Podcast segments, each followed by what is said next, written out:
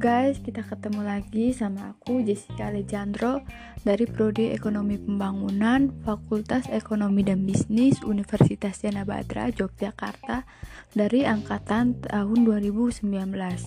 Kita sampai di ke soal yang terakhir. Soal yang ketujuh dari ujian tengah semester Ekonomi Perdesaan. Soal yang ketujuh ini ditanyakan jelaskan masuk dari demokratisasi desa. Siapa saja aktor demokrasi desa dan apa peran mereka? Mengapa MUBDES disebut sebagai arena demokrasi desa? Berikan contoh kasus penyimpangan atas prinsip-prinsip di sana. Demokrasi di desa. Arena desa demokrasisasi merupakan upaya mendefinisikan ulang hubungan antara masyarakat desa dengan elit atau penyelenggara pemerintah desa, KADES berserta perangkat dan BPD. Melalui demokrasi di desa pun berlaku definisi umum kekuasaan yakni kekuasaan berasal dari berada di tangan di tangan rakyat. Demokrasi dem, demokrasi demokratisasi desa adalah suatu momen di mana masyarakat mengerti posisi mereka sebagai warga dalam peraturan politik di desa tersebut, di mana terjadi proses interaksi antara rakyat dan pemerintah sebagai wujud adanya demokrasi dari rakyat, oleh rakyat, dan untuk rakyat. Dan aktor-aktor demo demokratisasi yang pertama desa Perannya berkewajiban mengembangkan kehidupan demokrasi. Yang kedua, kepala desa berkewajiban melaksanakan kehidupan demokrasi dengan berkeadilan gender. Yang ketiga, badan permusyawaratan desa berkewajiban untuk melaksanakan kehidupan demokrasi yang berkeadilan gender. Yang keempat, lembaga kemasyarakatan desa yang berperan sebagai pemberdayaan masyarakat desa sebagai mitra pemerintah desa dalam urusan de sektorial, sektro, sektoral.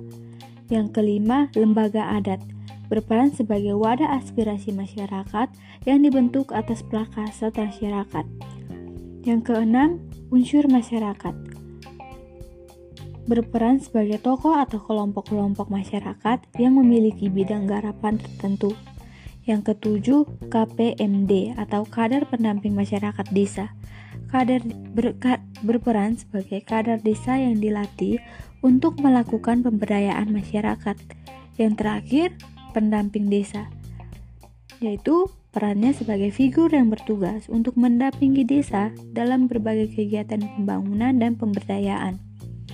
Mengapa musyawarah desa merupakan forum tertinggi di desa yang berfungsi untuk mengambil keputusan atas hal-hal yang bersifat strategis, menempatkan musyawarah desa sebagai bagian dari kerangka kerja demokratisasi yang dimaksudkan untuk mengedepankan musyawarah desa yang menjadi mekanisme utama pengambilan keputusan desa. Dengan demikian, perhatian kasus Perhatian kasus terhadap musyawarah desa merupakan bagian integral terhadap kerangka demokrasi desa. Undang-Undang Desa mendefinisikan musyawarah desa sebagai berikut. Musyawarah desa atau yang disebut dengan nama lain adalah musyawarah antara badan permusyawaratan, permusyawaratan desa, pemerintah desa, dan unsur masyarakat yang diselenggarakan oleh badan permusyawaratan desa untuk menyepakati hal yang bersifat strategis.